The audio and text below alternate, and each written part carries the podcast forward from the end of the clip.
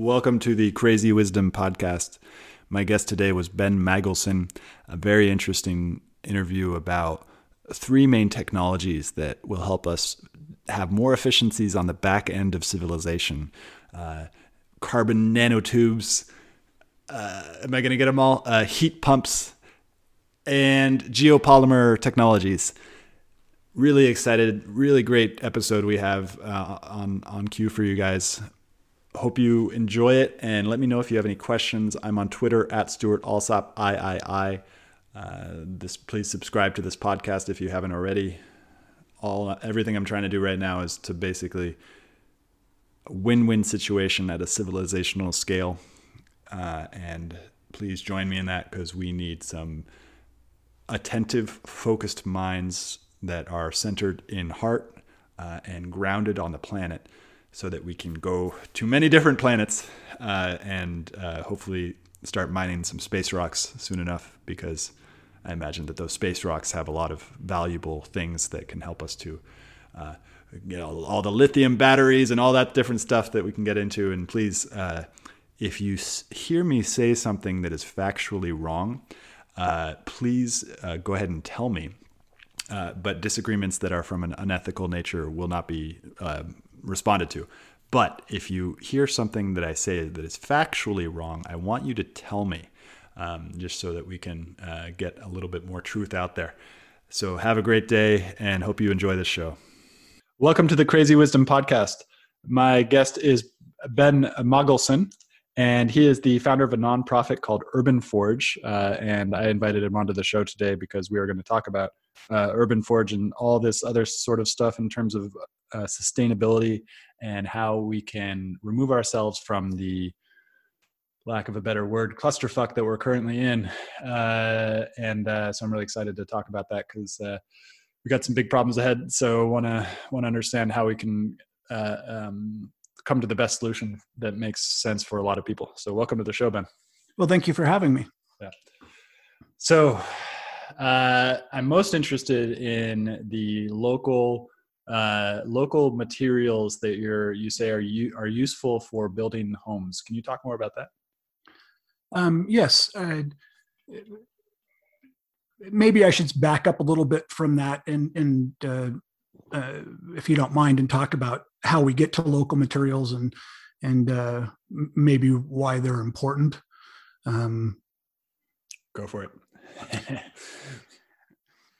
uh, so uh, how, how, I came about this or how Urban Forge was was started was I, I was working on a development project and um, and had become frustrated, you know, over years of uh, of building and construction uh, with both the quality and, and the type of construction. I thought there was probably a better way to go about it. Um, so back in 2016, I um, asked myself kind of a, a silly question, which was, uh, you know, if you were going to rebuild the world from scratch, knowing everything we know today, how would you go about doing it? And uh, that ultimately led to um, some conclusions around local materials uh, making sense over the long run as a sustainable approach for society. and so, how would you do it? Uh, the the the simple answer is is that there's a uh, a chemistry um, involving aluminum and silica polymers. Um, so literally, the you know could be made from the dirt under your feet, but local geologic materials um, to be used as a nano binder that can be a replacement for Portland cement that is uh, quite a bit um, more sustainable in the energy it takes to uh, both create it and then the longevity of the materials afterwards. Oh, because cement is the big thing that is uh, like China is started to become a huge demand for cement because they basically took what the West did and was like, okay, we're gonna do this much quicker uh, and with much more, I don't know, efficiency or something like that. And and so then concrete is this because that is is concrete the main uh, blockage in terms of uh, kind of lowering the cost of housing in terms of energy? Uh, well, well, there's several things that are interrelated there. Um, concrete uh, is a very sustainable material in in one fashion. You know, it it's lasts a long time and it's been used uh, for a long time. But there is also is a a high energy input uh, to it. Um, surprisingly, concrete is actually the second most used material by mankind annually next to water. Hmm. Um, and so, somewhere around seven or eight percent of, of global emissions um, are directly related, CO2 emissions are directly related to uh, the manufacture of concrete. Um, so, it is our major building material. Um, and and there's implications both on you know uh, uh, uh, for sustainability on the the manufacturing t- side of it and lowering the the embodied energy in the materials and then there's also um, you know this the longer lasting and, and, application part where energies can also be saved on on that side of it as well interesting so let's go into the nano binding because i have no idea what that is what's nano binding binding okay um, so when uh, the chemistry of or, or, maybe we should back up and talk about what Portland cement is actually. Sure. Yeah, that familiar with it and what what is a cement. So a Portland cement's uh, essentially a composite of geologic materials.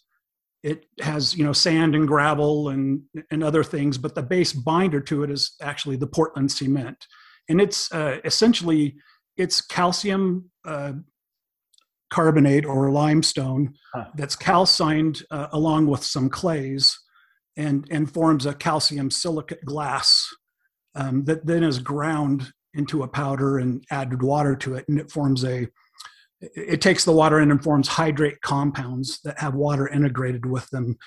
Um, and that's the binder that then the sand and gravel and the other components are, are kind of glued together with. Um, a, a, geopolymer or an inorganic polymer um, is uh, kind of a completely separate thing. And that uh, maybe the best comparison would be if you call it Portland cement a glue, would be comparing a, a inorganic polymer to an epoxy. Um, so it's a two-part uh, mixture that's done in um, in aqueous chemistry huh. uh, that um, where you're taking uh, dissolved aluminum and silica and then um, they polycondense back together and they form when i say nano they form these uh, little well depending on the chemistry of, of, of, the polymer they form typically small spheres that are between 10 and 20 nanometers in size so about one third the size of the covid virus huh. so in, incredibly small and the point with that is is that um, well, a, a, hydrate binder that starts with Portland cement, the particle sizes that the port that the glass is ground to, the what they call clinker, is about 45 microns, and it dissolves uh, somewhat and then reforms these new hydrate compounds. Sorry if I'm getting too technical here, no, no, but those are kind of more in the like one micron. You know, it's in that 45 to one micron range. These particles are a, another thousand times smaller. And and what that essentially does is it gives them huge surface areas um, on the particles. And so when they bind to other geologic materials they have uh, abnormally high strengths. And um, because the water is not integrated into the compounds um, they have uh, different properties so that they can stay physically stable up to about 800 degrees celsius mm. um, because they have no water in them uh, whereas portland cement if it's heated up at a certain temperature they'll start to decompose and it won't stay structural got it so the lack of water in the nano binding uh, uh, keeps it from uh, be or ke- makes it able to withstand large heat uh, large heating appliances or fires yes yeah. and yes and, and there's also several uh, closely related chemistries that you probably have heard before that are essentially the same thing it just varies with amounts of water mm-hmm. but they're all uh, this chemistry between aluminum, silica, uh, potassium, and sodium typically. Um, and uh, sorry, I lost my train of thought there for just a second. uh, you so in this so aluminum, silica, and calcium carbonate; those are all in the sand that like we or the dirt. Yeah, these are geologic materials we use um, and, and that are pretty common. Actually, that's part of when I was looking at this whole, you know, global picture of, of how we live our lives and sustainability. One of the things that uh, became really clear is we actually live our lives in a fairly small range of uh, of inorganic chemicals. At least there's quite a bit of organic, you know, variation. But um, as far as you know, the majority of our building materials and other stuff are, are, are really in a pretty small uh, group of chemicals. And I guess what I was saying about this aluminum and silica versus calcium and a Portland cement type chemistry is if you look at the crustal abundance of the materials, um, you know, the Earth crust is composed of like 46% oxygen, about, I'm going to get these percentages slightly off, but uh, 26% silica and about 8% uh, of aluminum. So it, the focus is on the most crustally abundant materials. Um, so it has uh, an advantage not only taking less energy to make it and lasting longer, but it's also significantly more crustally abundant. And did you develop this on your own, or did you find it at a university, or how did you come about this? You know, I, I looked at all different kinds of cements when I first started this, you know, kind of journey in 2016. I, I had run into this geopolymer chemistry, and there's a gentleman named Joseph Davidovits uh, from France that had uh, advanced this chemistry and, and, started patenting some related formulas back in the mid 70s. Um, motivated by fire problems with other composites and housing and things like that. And so this non uh, combustible material as a replacement. And so I'm not sure why the the um, technology hasn't been picked up as much uh, as others. It's been off patent, but um, initially I looked at it, and then I actually spent about a year looking more at Portland-based cements and ultra-high performance concretes. And then when I circled back after about a year looking at things back to the geopolymer chemistry of Davidovits, it became obvious to me that that was and the direction that we should be heading. But and so is the cost? Do you think that maybe a reason that it's it's not being used is that the cost is not effective? It can be cost effective, and it even has some advantages uh, on on the costing front in comparison to how they're made because there's lower energy options of how to make uh, an inorganic polymer versus uh, Portland cement. Um, but I, you know, one of the challenges I believe is is just that you know, being the second most used material to mankind, there's huge infrastructure with Portland cement and changing our infrastructure over. Um, you know, there's a lot of resistance to that. Yeah, it's like uh, there's a great uh, Machiavelli quote about it, uh, which I'm not going to try to butcher, butcher right now, but uh, um, but essentially, it's just it's really hard. And also Thomas Kuhn and all the other and Max Planck talking about the scientific paradigms and how scientific paradigms only move forward one death at a time. Uh, and so it's probably similar in terms of these large infrastructure problems because, uh, and particularly in our crazy time, which I'm sure we'll get into as well. But uh, that just the the kind of like institutional inertia and so, what you're talking, what, what, how much do you think it would cost to get a factory running up uh, to start producing this stuff? Well, I guess it depends on the type of scale and what you're trying to do. I mean, I, I see this as coming as a disruption coming not only in the construction industry but just in our society in general. That's um, you know been advanced by the internet and, and open technology and open knowledge. Yeah. That uh, you know that I feel like. Uh, that I'm in one of the group of probably thousands of people that there's new disruption coming from that it's taken a couple decades for uh, you know for that momentum to build. But I I suspect that we will see disruption that most people uh, will not expect in the next decade. Yeah. and when you talk about these uh, these hangups, you know, whether it be capital, you know, cost of starting factories or whatever else, there's also another whole factor I think that plays in which is the obstacles of you know human thought into some of these things. When you when you really sit back and objectively analyze there's a lot of things that we should be doing significantly different. Um, but i think we kind of have some flat earth thinking left in us uh, as, as, a human race. A lot of uh, you know traditions that are passed down and so it's kind of breaking through um, and being able to see beyond uh, those things and that kind of brings up nuclear power for me and maybe we'll get into that later but i want to uh, really find out well yeah 3d printing uh, is there any way to 3d print this stuff yeah i mean there's there's people and i've been working with 3d printing companies i, I think the direction uh, relative to home printing is probably off track mm. in, in my mind based on working with the materials and stuff but i have consulted for some companies but they're printing normal cements and modified cements of different types. Um, it, it, reminds me the current approaches remind me a lot of uh, you're probably not old enough to be around to remember the 1980s pen plotters that engineers used but you know pick up a single plan, pen and go draw a line um, almost like hand drafting but but automated and uh, i think that's kind of where the the uh, 3d printing of homes is right now there's opportunity in where the new materials will go that what we'll probably be doing eventually will be printing nanomaterials out of uh, like Xaar um, is the largest producer of industrial inkjet printers, and they've entered the 3D market. And they have these large print heads, far larger than the ones you would have in a normal home printer, that can be set into large arrays. Mm-hmm. Um, you know, and and and super high speeds. I mean, they they use these things for like printing newspapers and stuff like that, is at the speeds that you see newspapers roll by. Mm-hmm. But that also can be all that technology that they have will be leveraged into their 3D materials um, that then will allow printing at super high precision and, and uh, very small feature sizes. Um, you know, where uh, I mean, they're capable, will be capable of printing feature sizes under the size of a hair. Um, you know, under 100 microns, where where even doors and windows can be within that kind of precision of being square and, and tolerances within their openings and things like that.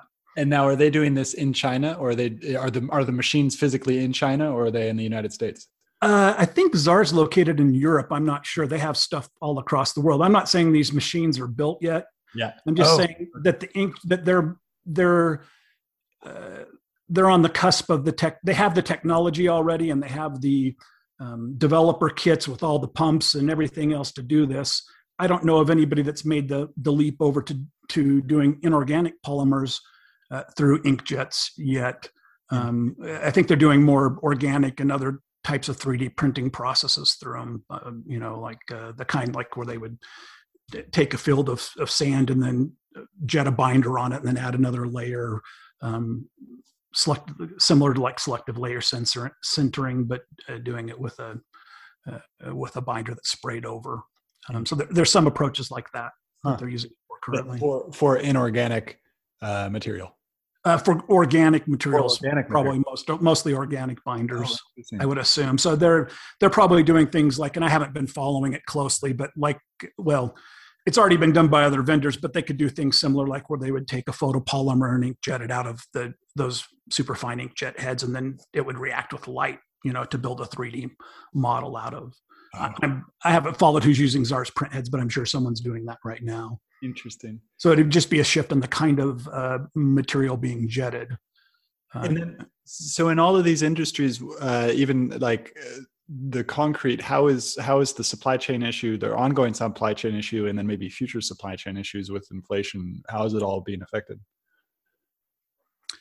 Well, I mean, obviously, energy costs and everything are going to drive costs up, especially where concrete, you know, is a, it's a fairly energy intensive um, yep process. I mean, what they're they're essentially doing is taking uh, the the limestone and, and clays that I mentioned and melting it together at about 1400 degrees Celsius to make the glass, and then and then grinding it afterwards. So there's you know energy intensity there.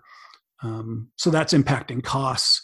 But concrete really is a local material. That's why it's so popular worldwide. People think of Portland cement as being kind of this exact thing. It actually varies quite a bit between locations because it's made with geologic materials. Mm-hmm. And, um, you know, uh, but it's got that infrastructure. So it'll probably, I mean, costs have gone up in that in Portland cements, but it'll be one of the construction materials that arguably could go up less. But, uh, you know, then you have transportation costs and everything else involved. And how how energy intensive is the is the is the technology that you're talking about? The nanobinder binder. Uh, it's about 10% it's about 10% of the energy that it takes to build the geopol or to build a portland wow. cement wow very on cool. the binder portion so about 10 you know in, in that ballpark magnitude. And it depends on how you go about it but portland cement could also be made uh, quite a bit more efficiently than it is now as well. Um, there's just ways that we've done things uh, for example um, if you want to break down a silica historically it's been done by taking um, been taking a sorry, I lost my my thought here for a second. The the uh, or the word I'm looking for the uh-huh. um, the quartz, yeah. quartz sand, and because that's crystalline, it takes quite a bit more energy to break down that crystalline structure. Whereas there are other materials that are that are fairly abundant, uh, like volcanic ashes, tuffs, um, which happens to be one of the things I'm working with. I'm working with Hess Pumice in um, Malad, Idaho. They have a large pumice deposit, but there are these amorphous materials. But because they're amorphous, they can be uh, manipulated at far low, lower temperatures. So the geopolymer binders, for instance, that I'm working with um, with Hess Pumice, is uh, they're developed mostly under 100 degrees centigrade. So it's aqueous chemistry, not even above the boiling point of water. um, uh, with the idea actually that being able to use industrial waste energy and heat pumps to be able to manage uh, the process so that it, it, can even be managed more energy efficiently uh, by um, you know managing a thermal. A random sidetrack thought I was having was that um, I can just imagine people showing up in say India when the British showed up in India with with guns and, and all these other things and and they just must have appeared like magicians.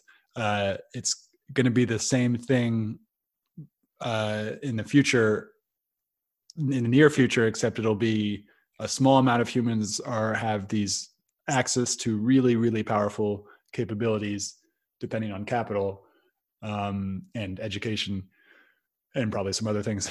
Um, but uh, well the longer the long term idea is that everybody will have access at least in, in my idea. I know this is kind of a, a crazy thought but uh, um, we determined to open source most if not all of the technology that, that i've worked on. Um, and uh, you know and providing the materials at wholesale cost so other people can take the materials and or their local materials and and um, you know learn how to do these things themselves interesting. Well and i think I, but that's that's the that's the thing that's the key that i'm that the amount of population who is uh in that kind of um what is the word? It's uh that teaches themselves how to do things on the internet. It's growing um, but it is uh, but it is small basically. Small and as, as a percentage maybe like 20 to 30 yeah i, I agree and and that is uh, and i have seen that as an, an obstacle um, and so uh, what we're what the, the, the very long term goal um, is actually to be able to uh, build a for lack of a better term, we've kind of called it a seed of civilization that you would put in a container that would be like a micro factory that then you could send to any place in the world and they could take their logical geologic materials yeah. process them in the micro factory and then expand the factory itself similar to a RepRap type situation but then those materials would be able to build more machines and housing and factories and actually other machines that uh, you know cnc based machines and things like that and then could could you take these to mars could you build a build could does mars have the same type of yeah, the geology. I mean, you, you have silica and aluminum in the regolith on the moon and, and, and on Mars. I, I imagine that, that geopolymer technology will probably be the likely technology used on Mars and the moon as far as structural materials. Wow. And so, and that brings in the nuclear power aspect. So if if we go to the moon, we go to Mars, and we start setting up colonies and stuff like that, then it'll be like nuclear powered, maybe solar powered as well um, and then uh, and then uh, with these micro factories that just set up, and then we'll have to have some find some crazy people who are actually willing to live on those places. Yeah, yeah, yeah. Interesting. So, what do you think about nuclear power? What do you think about? Do you think that the the the, the that it's that it might be changing? That we might see like Western countries come to their senses and and and realize what a giant hole we've dug in ourselves in for, for in terms of our energy? Yeah, I, I think so. Um, but it's not the only solution either. I mean, maybe it is the only solution long term. Mm. I'm probably a proponent of molten salt thorium. I think that's probably the best technology to move forward with. Mm-hmm. But um, when you analyze how you know sustainability and look at society, how society operates as a whole, uh, there are a lot of different things that we can do. And, and, and, the one thing that becomes really clear as you look at, at supply chains and, and how we go about things is that, you know, we use energy like drunken sailors. Uh, without even developing more nuclear, there are there are some fairly accessible ways as humanity, if we were really serious about it, that we could cut humanity's energy consumption by probably more than fifty percent fairly easily. And what are some of those ways? the biggest one that is kind of an integration. So I've looked at three technologies, uh, kind of two primary technologies and a third that's kind of related. Uh, the first being this geopolymer inorganic chem or inorganic binder. Mm. Um, the second being is is geothermal slash heat pump technology. Mm. Um, and, and it kind of goes back to where I said we have some flat earth thinking left inside of us. We have, you know, we talk about consumption, but in, in the face of, of 19th or, or 20th century knowledge of, uh, uh, you know, the conservation of mass and energy, we know we don't really ever consume anything. Um, and so uh. we have to start, uh, you know, uh, applying some of the knowledge that we've learned and, and look at how energy is managed. And, and the basic of it comes down to a heat pump. If you're going to take and collect, uh, create thermal energy, which is the primary use that humans use, um, it takes, say, for instance, you take one unit of, of energy and apply it in a thermally resistive circuit to get heat. Um, you'll generate a certain amount of energy. If you take a heat pump to to to um, harvest the energy from a one source and and raise the temperature of it and move it to another source, um, that can move uh, anywhere from four to eight units of energy for the same, um, uh, you know, versus creating one new unit of energy. I didn't quite get that. So basically, if you get a heat pump in there, um, you can move energy more effectively.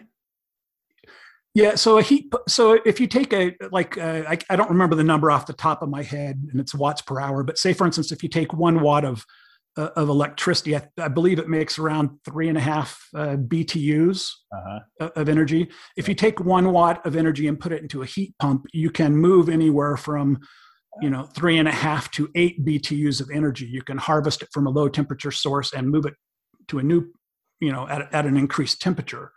Um, so essentially, heat pumps are, are inherently more efficient way of moving energy. And as long as we're not, as long as we realize we're not consuming energy, um, uh, that it's really getting dissipated, then then we can manage energy differently. For instance, I, am working with a group called the Gray Edge Group that are some of the world's leader in th- low temperature thermal networks, yeah. and that's where this heat pump comes into is using thermal networks and using energy differently.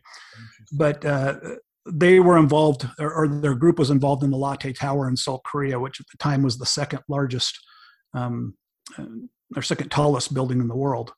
And about 30%, from what I understand, about 30% of the energy from that building comes actually from gray water recovery, where they're uh, stripping the thermal with heat pumps back out of the building, you know, the building's gray waters that are going to the sewer, and uh, then putting it back into the hot water tanks or, or, or used for building heating. And um, that's you know that serves 30% of the of the building's energy consumption, which is a building the size of a small city. Um, so uh, so you're, what you're saying basically is like that Star Trek future of large cities that are sustainable uh, and green and stuff like that are possible. It just would take a radical uh, re-engineering of our thinking as to how we build. Yeah, and it doesn't even necessarily take a, a radical reengineering of the cities. Um, water lines, you know, are, are, perfect for carrying thermal energy. Water is very, you know, adept for that. Um, and uh, you know, they're generally looped in cities as a, a function of the design, uh, just for flow reasons and no stagnation in the water lines for health reasons and stuff like that. So going back and in combining a, a, city where you can move thermal energy, uh, you know, in a water line and then harvest at other places it would not be that difficult to retrofit cities that way. And for homes to retrofit along the way, uh, you know, they could then just go out and tie onto the street when they wanted to upgrade a heating system and, and put a heat pump in and pull energy from the water line as an, as an, an example of a type of topology that could be used to, to reform how cities' energies are managed and so it could be done incrementally and over time. Um, but there are there are sites that this has been done on, and it's kind of becoming trend. I've seen some new projects being announced in the last couple months. Um, the Gray Edge Group's done several. They've done one here that I've gone and talked to their operations manager um, at Weber State University. About half to three quarters of the campus has been converted over to uh, these type of systems and uh, their operations people are telling me that they're seeing in excess of 70% energy reductions Whoa. so it's really interesting the stuff that you're bringing up it's it, it feels like for me, and we talked about this a little bit on Twitter, of um, essentially there that like the world has gone crazy for the past two years, but for the past 20, 30, 40, 50 years, there's been all sorts of technological innovations that are kind of ready, but ready for a, uh, a change in thinking and a change in um, direction, maybe. Uh, and then you got the the other aspect, which is that Silicon Valley, starting in the '90s, started to uh, become much more focused on the internet as opposed to the building of new technologies that are not solely dedicated to the internet. Um, uh, and the, the the Marc Andreessen quote is bits versus atoms, uh, and so maybe you know maybe it's an optimism type of thing, but maybe in the next three to four years we might actually start to see some real real innovations in terms of our ability to manipulate atoms. Is that accurate? Yeah, uh, yeah, I think so. And, and, this chemistry that I'm talking about, you know, uh, I, I, should mention it's also, and I probably did before, but it's closely related with a couple other chemistries. And so there's a lot that you, more to the the inorganic polymer component of what I've been talking about than um, than just being a building material. Um, the closely related uh, chemistries are those of you probably heard of aerogels before Yep. those super insulating that are made out of silica that are super light i don't know if you've ever seen one where like they put a flame underneath and have an ice cube on top of it oh you showed me that yeah i remember that yeah, yeah. okay or, or, i may have showed you a composite that was something different but oh. there's aerogels and then there's also a related chemistry that's uh, called zeolites um, and these are things that are used industrial they're related to this inorganic geopolymer chemistry um, but the reason I mention them is because there's all kinds of power in those materials too. Um, they can do things like ion exchange. Uh, um, so they're functionalized, uh, even down to the point where we can take and design these materials. And when we're talking about that 20 nanometer level, we can design the porosity of those and zeolites so that you can control which atoms actually fit between the pores, and they call them molecular sieves. And this has been eh, that's something that's been used in industry for 20 or 30 years and it's a closely related chemistry.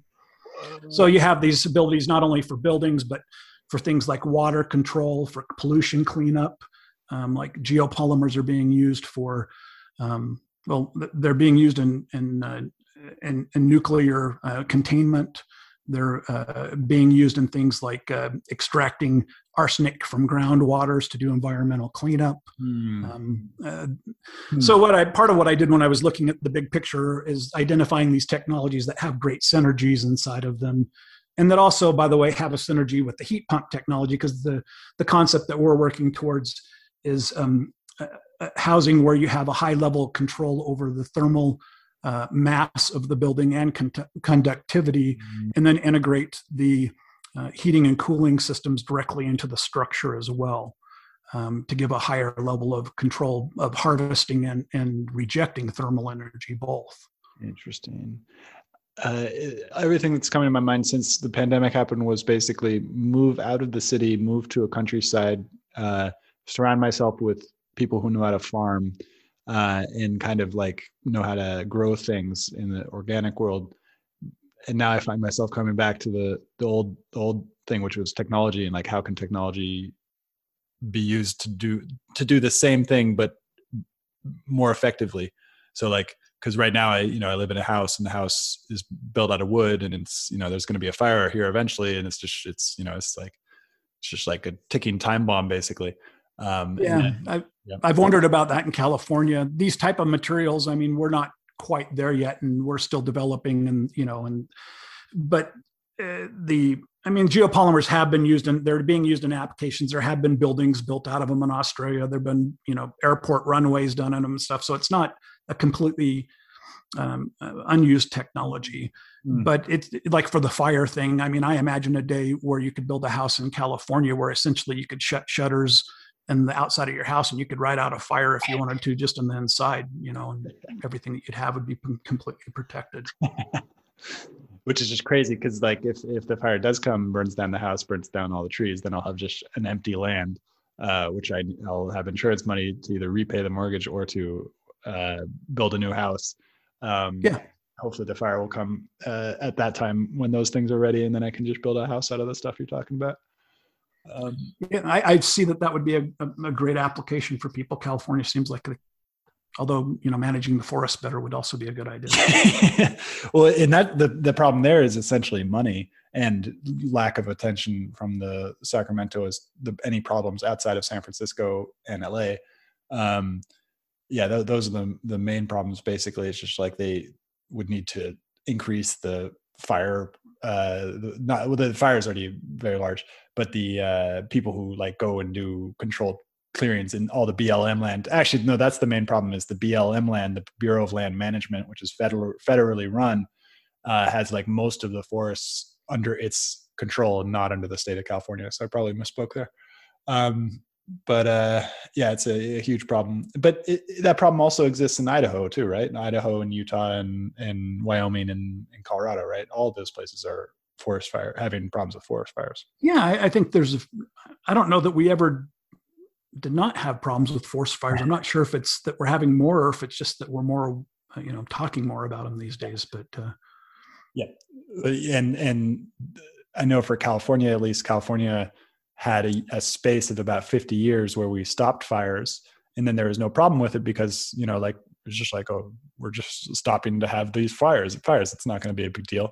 But then it became a big deal once you have the kind of uh, fire debt basically uh, that builds up in the forest and you have a bunch of old growth uh, that usually would have gotten cleared out by previous fires that's now there and gets to, and that's what causes these mega fires um, is just like fires that would have been small are now much much larger um, yeah, I think we need to just uh, get a bunch of. I, I, was a Boy Scout and an Eagle Scout, and uh, I, I, did a forestry merit badge. I think we ought to just get a bunch of those forestry merit badge pa- pamphlets and uh, send them to you know all of our leaders to understand what's going on. yeah, because yeah, you already understand. It. It's not like it's terribly complicated. The Boy Scouts did a pretty good job of explaining the problem and how to keep from having it.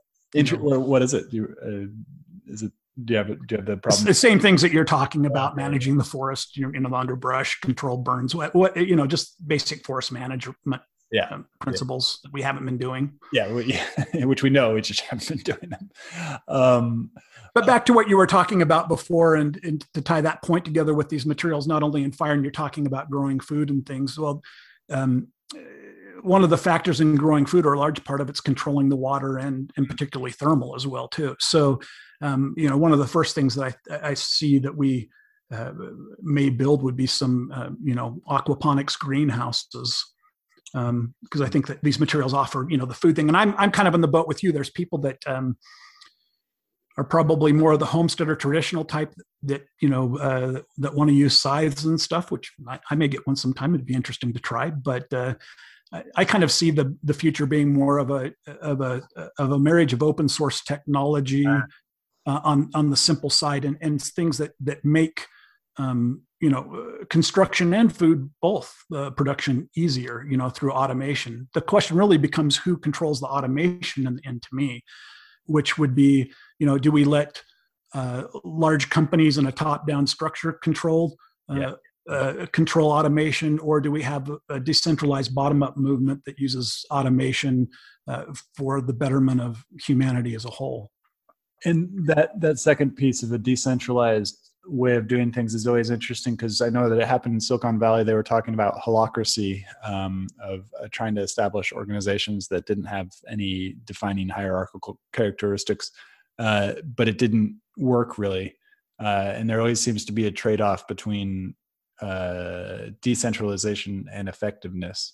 Um, but at the same time, I think we're now seeing the full extent of how all of the problems that are uh, associated with centralization. Uh, and God bless the founders of this country because they they saw it coming from like 300 years uh, ago that like the main problem is centralization, the centralization of a of a crazy executive, uh, and uh, and like all of the craziness that comes from that, and then somehow the decentralization of that centralization uh, in terms of the uh, the executive office expanding like crazy, uh, and the budget for the executive office in the United States has expanded like crazy as well. And so it's it's coming in through the windows basically, and we just had our biggest test that we've ever had as a as a nation, maybe even bigger than the Civil War. I'm not sure, but but like it was a big big test that we just underwent, and it came close. But I think I think we actually uh, I think we actually made it out with a functioning system as long as our courts can can get back to uh, promoting the rule of law instead of uh, instead of uh, what they're currently doing, which is not that. Um, yeah, I'm I'm not. Um, I've I've had some first hand experience or sight insight into the court system, and I, maybe it's the best thing that we have, but I'm I'm not completely optimistic that the court system is going to save us. Um, back, yeah. I, I've I've seen how big business and what they do in the court system. I think I mentioned to you yep. the other day some of the things that happened during the 2008 that people don't haven't really followed. You know the aftermath of 2008. So, um, well, I, am hopeful with you that uh, you know the courts do and uh, you know help us get back on track. Yeah, so. but it's going to be an interesting thing because I mean, so because at this point, if we're if we're being honest, the the Congress seems pretty corrupt president seems pretty executive branch seems pretty corrupt and the courts seem pretty corrupt. So what's left? Uh, you have state you have state governments uh, i'm not sure they're much better based on what i saw from covid you know i mean i you know even something as simple as being a citizen and wanting to know well what tests are you using and what are the you know what are the specifications you know for the tests? You couldn't find out something that simple you know for the last two years in utah. Um, so I don't know how we solve the problems. I think you know uh, maybe radical transparency is going to have to be part of it. But uh, well, that's that seems like a just like a sine qua non without which none like the the the, the way technology is going there are motivated people like you like who who are going to go out and try to find the test results and if they can't actually get that that's going to be a problem for voters eventually like it's got to be a problem for voters i can't see how what we've done for the last 2 years uh, particularly in terms of poisoning a lot of children, uh, isn't going to be a huge issue for voters. Like I can't see that not happening. Like, but that's no, I I, I completely agree. Um, it just uh, we're in a date entering an age where things are going to have to operate differently. In fact, I think that at the core of it, my take on this whole pandemic is really what we're experiencing as a battle between centralization and decentralization. Yeah. And decentralization ultimately is going to result in the centralized powers uh, losing their power. And um, I imagine they don't like that idea. Yeah, and that's and that's what I get too is that uh, that they're basically they see that happening. They can see they can see the the changes that are going on, and these are these aren't like last couple hundred years situations. This is a like a 2,000 year old battle between the nature of, of agricultural civilization and the people who build agricultural civilization, the, the people who've been, um, you know, in wage slavery or actual real slavery in order to build it. And and like that it can't go on like this anymore. There can't be this sort of like I'm the leader. You guys are are just got to follow us, and we'll whip you if you don't, and stuff like that. Because that's like it's part of the past. It's not it's not what we need now for this decentralization. Yeah, and I think that, that what it comes down to, and that is the great lie of this world has been scarcity.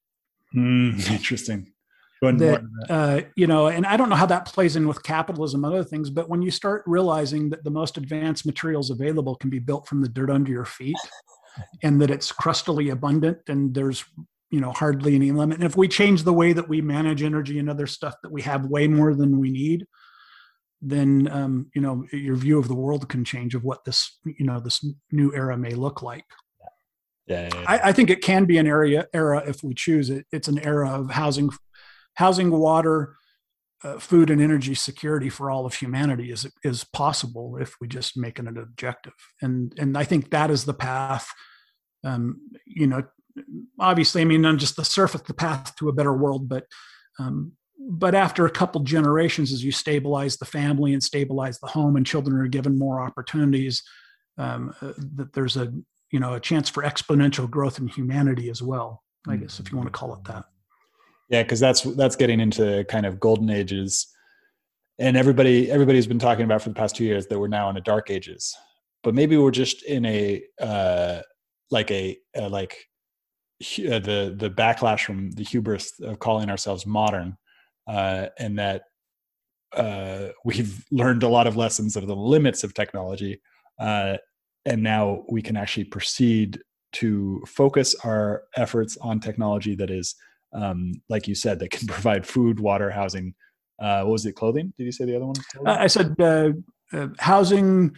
Usually go on the priority that I think of, which is ah. housing, water, food, and energy security. Energy security. Yeah.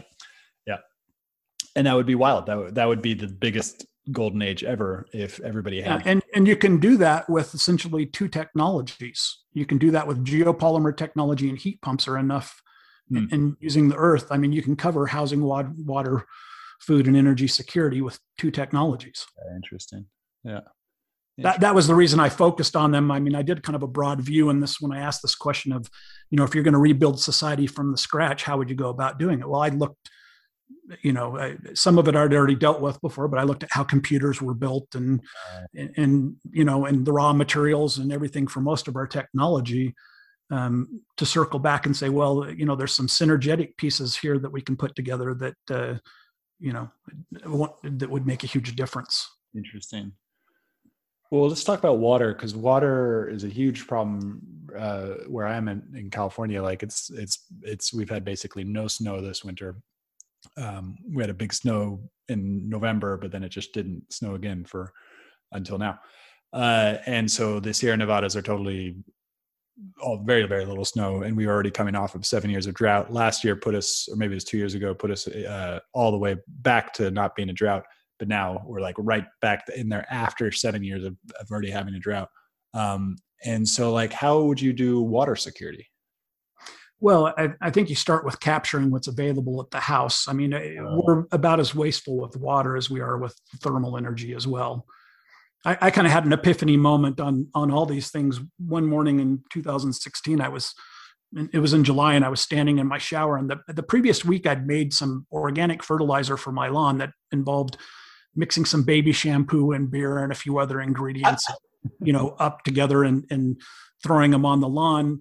And I'm sitting in the shower and and um, you know, scrubbing my hair, and I'm thinking about the soap and the water going down the drain, and then all of a sudden I hear my sprinklers come on in the morning outside, and I'm thinking, you know, I'm running this water down the drain that has the same ingredients I made this organic fertilizer with, oh. if if you call that organic or whatever kind of homemade fertilizer or whatever you want to call it. I don't think baby shampoo is necessarily organic, but anyway, I'm thinking about that running down, and then at the same time you know, and I'm going, well, what? This is just stupid. I'm using culinary water to water my lawn, and I'm running water down the drain uh, that, uh-huh. that would even be beneficial for the lawn. And then about that same time, my air conditioner, I hear the compressor go on outside, and I go, okay, and now I'm burn, throwing thermal energy outside during the middle of summer, and I'm burning natural gas to instantly heat my hot water. Why hmm. am I not using that thermal energy to heat my hot water?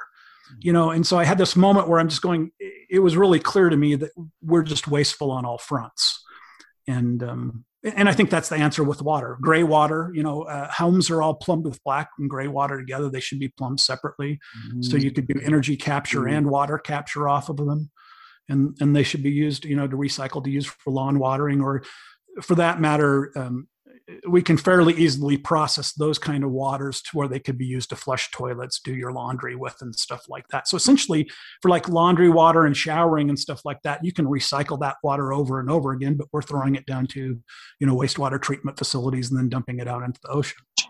So nuts, so nuts. Uh, but and, and then the other the other cost would be would be the actual monetary cost because for me to build my house, for me to to do that to my house would require many thousands of dollars, right? Yes, and I mean if you're going to retrofit, but you know, I guess the idea would be to you know create systems that are easy for people to retrofit. Uh, in the uh. future, how I see homes being built is that homes are going to be way, way less expensive, and their quality is going to be significantly higher. Cool. Uh, that's where you probably saw me tweet something where I said that you know that uh, there would be some level of functional obsolescence come to existing buildings yeah. in the next 10 years because well and, and that kind of banks on if energy costs stay high but when you can cut you know a significant portion of energy and water and all your you know uh, resource costs down and you have a building that can built, be built cheaper and have longer spans and is more structurally stable and all of those things um, you know i think they'll you know there'll be people that you know that retrofit homes with those same type of technologies and stuff but uh, at least with what we build in the future we ought to be you know doing it in ways that are good yep that is really interesting. But I guess what I was going to, sorry, what I was going to say about that, Stewart, is when you get to the 3D printing side and the kind of stuff I talked about, eventually what's going to happen is homes are going to be built different. Like for my version, you know, in the cementitious composite side, eh, you'll be 3D printing or, or molding. And over the long term, you know, a plumbing is just a void space in a wall, hmm. you know, a, a, circular long space that's shaped like a pipe. I mean, it doesn't matter whether you have a void in concrete that's shaped like a pipe or whether you have a pipe in the wall. Similarly, it doesn't matter if you, you know, have wiring pulled through a wall or if you have a conductive material. So I, I think over the long run, we'll see housing that's built more like an integrated circuit board. Oh, um, wait, what does that mean?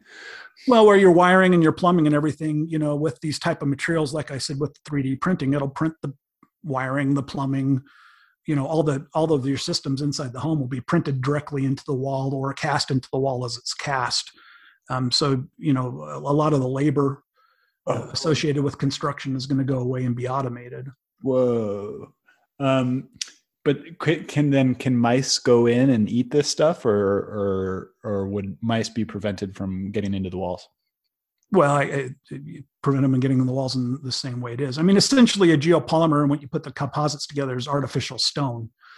Um, you can control whether it's more insulating or more thermally conductive by the amount of air that's trapped in, you know, even a nanoscale. Um, so you can make it insulating. It's kind of inherently insulating, actually, and you have to use the additives or the fillers in the material to really get it to be more thermally conductive. That is, but uh, they're they're kind of because it has a porosity down at the nano level. Um, it is kind of insulating. I just got the idea. Will there ever be kind of a way to change that porosity in the moment? Like, say, I want my house to be cooler. Um, would it? Could you? Change? No, but there are really interesting things you can do, like with functionality that I told you about. Um, one of them is a passive cooling system that um, if you construct these materials in a certain way with a lot of aluminum and a and a, and a lot of alkali in them uh, for ion exchange, they become they have they develop a adsorptive property on a on a nano level that will just suck water into it. Huh. And um, there's a passive way to do that and oh, play with the swing between humidity and air between day and night. it's typical so that you could take then and, and this may be actually another answer on the water thing where you i haven't run the calculations to see the amount of size it would take to capture but theoretically and as long as the sizing is not too big you could capture water out of humidity in the air and then and then you know harvest it. But the the way that it's used in passive is that this material would take the water then in and then as it heats up during the day the water's driven off and and provides a passive cooling. Wow that is so i mean it, there's all kinds of interesting things when we start talking about these you know real specifics in nanotechnology with functionalization and stuff like that that um, you, you know that, that are really interesting applications. What do you think about the uh, I, I, it's so interesting for me. I, will probably set it up because i haven't i haven't done a podcast in in in two years basically uh, or no one year. Um, i uh, moved to a land of lots of hippies. And so I have heard a lot of theories about what is going on. I won't call them conspiracy theories because I learned my lesson on that one. Because uh, a lot of them were right about about a lot of crazy stuff that happened. Uh, but uh, I've also heard some really crazy theories. Uh, one of which is is the nanobots, um, uh, the nanobots in the vaccine and stuff like that. What do you think of that? If you well, I mean, there, there are nano, you know, bots that are available. I, I, don't think they're in the vaccines, and people just, you know, nanotechnology in general. Yeah. Uh, people have got in their mind that that's something bad or that we're not exposed to, but people have been exposed to nanomaterials for all of mankind. I mean, the stuff that I'm dealing with essentially is broken down geologic materials. Well, that that happens naturally. There's clays, are basically the, kind of a conglomeration of right close to nanomaterials. They're they're typically in a couple microns in size, but smaller particles over down in nanomaterials. So typically, when you have rocks, weather over time, and stuff like that, there's dust and small particles all around us. Uh, same with the, the, carbon, you know, carbon uh, nanotubes and and graphene and that. Actually, if you take uh, charcoal itself, I was reading a study recently that charcoal itself, when it's made, it's about 40 or 50 percent nanomaterials inside charcoal. Uh, it's either graphene or or uh, or nanotube type related that just happens in the combustions of wood. So you know, like people are all uptight about graphene and stuff. Well, we've been exposed to graphene as humans for all of our existence. Oh, come in the form of carbon, you know, out of of you know of woods wood we've burnt. So yeah. yeah, it goes into our lungs basically. Yeah, I mean, uh, so we're somewhat adapted for some of that. Not that I, not that I'm not saying there can't be bad applications of those uh-huh, things. Yeah. Negative for humans, but in, general, we're kind of adapted, you know, for uh, nanomaterials, and we're exposed to them all the time. Um, but it, At least the natural ones, I guess. Yeah, and well, that, and that brings up the the the medical side of it because the uh, there probably is a push going on towards engineering humans and playing with their D- DNA. DNA, yeah. Uh, yeah, which is crazy that that just happened. Like it just uh, all that just happened, uh, uh, and that needs to be stopped. Or, but it can't be stopped because China's going to do about it no matter what. Like China's already doing it. But although they didn't, they didn't poison their population with uh, gene therapy though. So, so uh, maybe they've got some more awareness about what's going on. Yeah, who knows what what they've done. Yeah, I think yeah. it comes down to you know when I look at all this and all the science and everything else is is that you know we're hurtling towards our destruction in some ways or, yeah. or toward or towards our salvation. I guess it just depends on which uh, direction we take. Uh, I would call some of those things well, unwise, or you might call them evil, or whatever else that people are pers- pursuing. You know that, that the wrong direction. Um, and, and a lot of hubris from mankind, like we've seen with some of the vaccines and things. Yeah. I think the challenge is for good to outpace evil at the end of the day. I mean, if we want to put it in really simple terms, and uh, so doing some of the things like I'm talking about, uh, you know, about trying to take housing, food, and energy security and water security to humanity. Um, uh, we should be focused on that and, and the positive and spend less time fighting over what all these other crazy people are doing. Yeah, just kind of ignore them if you can. Um, you know, I guess it comes down to do we reform? And I'm not set one way or another uh, how this happens. Do we do we chart a whole new path, or or, do, or are we able to do something to redirect the path yeah. of our current society? And it seems to me like we all we're really in a position where we almost need to carve a new path. Interesting. Yep. Yep. Um, and then let the other people join as they want to. You know, uh, create something new and and and let it stand for itself as to whether people want to join it or not. Yeah, not necessarily everybody does. I mean, I'm fine if people want to go be transhumanists, I guess, as long as they don't come kill me. and try to do it to you. Um, that's that's fine. I don't really have a lot of interest in that myself. I'd rather explore these areas of science and technology that can, you know, provide housing, water, and food security that are old and out of patent, and and put our focus there. Uh, you know, maybe we need to swing the pendulum back a little bit, as you you'd said before. Yeah. So for this last question that'll tie into that, which is basically if you want to talk about your project um, uh, about the about land and stuff like that, uh, or if you know of any, because I'll I'll explain a little bit more. My I um, was in San Francisco in 2017, uh, and there were starting to be meetups of young Thiel backed uh, Peter Thiel backed. uh, 20 year olds who are just getting out of college uh, talking about building new cities. Uh-huh. Um, and at the time, it was very, very, very Silicon Valley. Like uh, one guy I know in particular, he started to look at property that was three hours away from San Francisco that you could that you could have regular buses going back and forth. Um, and uh, and then he ended up uh, uh, realizing that he needed the bus system before he needed the land. Uh, and so then he started building buses, and then he realized that he could um, uh, make the buses so you could sleep at night uh, and then go from San Francisco to LA. And then he was doing those bus routes and he was going really well. And then COVID happened and destroyed him. Um, but uh, but then uh, so you've you've got these people who are interested in looking at building new cities, and now it seems like the right time because now. As we've just discussed, state governments, most of the state governments, right? I do believe there are a few few state governments. I'm sure you do as well. That that that might be okay.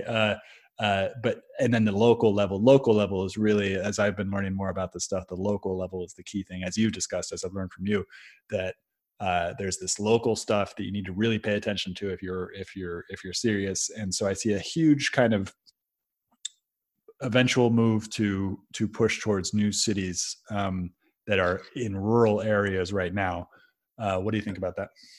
I agree. I think that actually, you know, and, and I'm coming from a background where I've, uh, you know, been on or, or been on committees for the Urban Land Institute and was a founding member of the Congress for New Urbanism in Utah for its chapter. So I, I have some, you know, fairly extensive background in city building and stuff like that.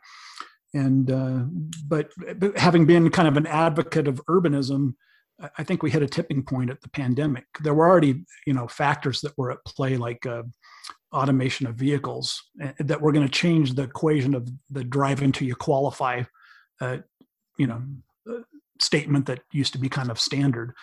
Uh, and, and, now we have the, you know, the the forces of the pandemic and and remote working and and all of those things. Um, so I, I see uh, you know less demand probably a flight to quality inside the urban areas and less demand in the urban areas now whether it ends up being big new cities or whether it's smaller villages or or smaller towns uh, i don't know but i wouldn't expect say for instance for people to move and eventually build a you know another metropolis at some place in the middle of nowhere in idaho yeah. um, although people have been talking about stuff like that i don't think that's the uh, the direction uh, we should be heading. Yeah. You know? It'll happen on pre-existing locations, basically. Well, or or small. I, am just saying uh, that the scale, I think, will be smaller. So uh, cities and towns and little villages, not big cities being built in the middle of nowhere. So I think that maybe we'll we'll see a a move to less density, yeah. and even from a pandemic aspect. I know that I kind of laughed at all my colleagues and you know in urbanism saying, well, you know, there was a big push. Well, the pandemic has nothing to do with urbanism. Well, whatever. Yeah. you know, I yeah. mean, uh, it's pretty obvious to me that density of people and how close you're together has something to do with how disease spreads. so, yeah. Um, yeah. Uh, but you know, so I think, uh, and I think there's a legitimate, you know, I mean, we are entering this world that we talked about. You know, that that there are these crazy things going on with science. Gain of function, no matter what we do, is going to happen. I mean, we're at the stage where I'm sorry to say it, but two guys in a garage are almost as dangerous as a first world country. I mean, the stuff is just so accessible. Not only is the technology accessible to build housing and everything else, but the technology to do gain of function yeah. is almost equally as available to people. Or, or you know, CRISPR or other, uh, you know, types of things. That's not my area of expertise, but I know enough about it to know that it's scary available. And uh, so, so I think we will see. You know, we're going to see pandemics. Yeah. Um. That's the reality. So, uh, constructing buildings and cities in a way that that uh, can you know uh, be more isolated in times of need and, and more resilient and, and uh, self-sufficient is i think going to be a thing interesting well, this has been a delightful conversation. Thank you so much for coming. Um, anybody who wants to find Ben on Twitter, you can find him at Ben uh, Magelsen, B E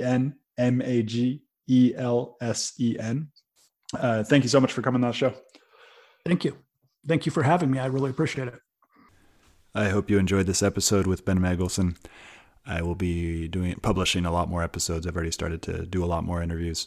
Thank you for your patience as I've taken a little bit of a break from the podcast uh, because of all the Rona coronavirus craziness. Um, I imagine some of you are still listening who disagree with me on the coronavirus. Maybe some of you who have already stopped following me on Twitter. Just want to say you're welcome. Uh, you know, I'm I'm I'm not going to stop talking about it because it's such a foundational uh, issue that we've run into, and and I've had a lot of disagreements with a lot of people. Uh, and that's totally fine. Um, and so you're all welcome. You're also welcome to, to, to voice your disagreements as long as they come from a place of authenticity. Um, but uh, yeah, so welcome back to the crazy journey. I've refined a lot of my thoughts on what I'm doing with this show. Uh, there's a place of rationality and science and all these different type of things that we've have been really helpful for civilization uh, in the past 70 years. I mean, all the way back to 300, 400 years, thousands of years, actually, if we get back to Aristotle. All these really beautiful, beautiful things about science and rationality and logic. But logic can only take us so far, and our logic is dependent on the system which we value. Uh, and so, uh, logic can take us to some really, really horrible places, as it did. I mean, there was a logic to what the Nazis did, there was a logic to what the Soviets did. Uh, but it wasn't from a heart centered place of love. Uh, and so I'm just now discovering this place of love. Uh, I'm not at the point of unconditional love yet. I still have conditions on my love. Uh, uh and I imagine you do too. It's probably uh, very rare to have true unconditional love from that place of, of, of, of God. Um, and so my show will be a, dis- discovery of now that we have not left rationality behind, but now that we have understood the limits of rationality and logic, uh, what does it look like to f- aim towards that unconditional love and maybe even aim towards that state of awakening or realization, uh, but not be there yet and kind of discovering how to get there, even though there isn't a place.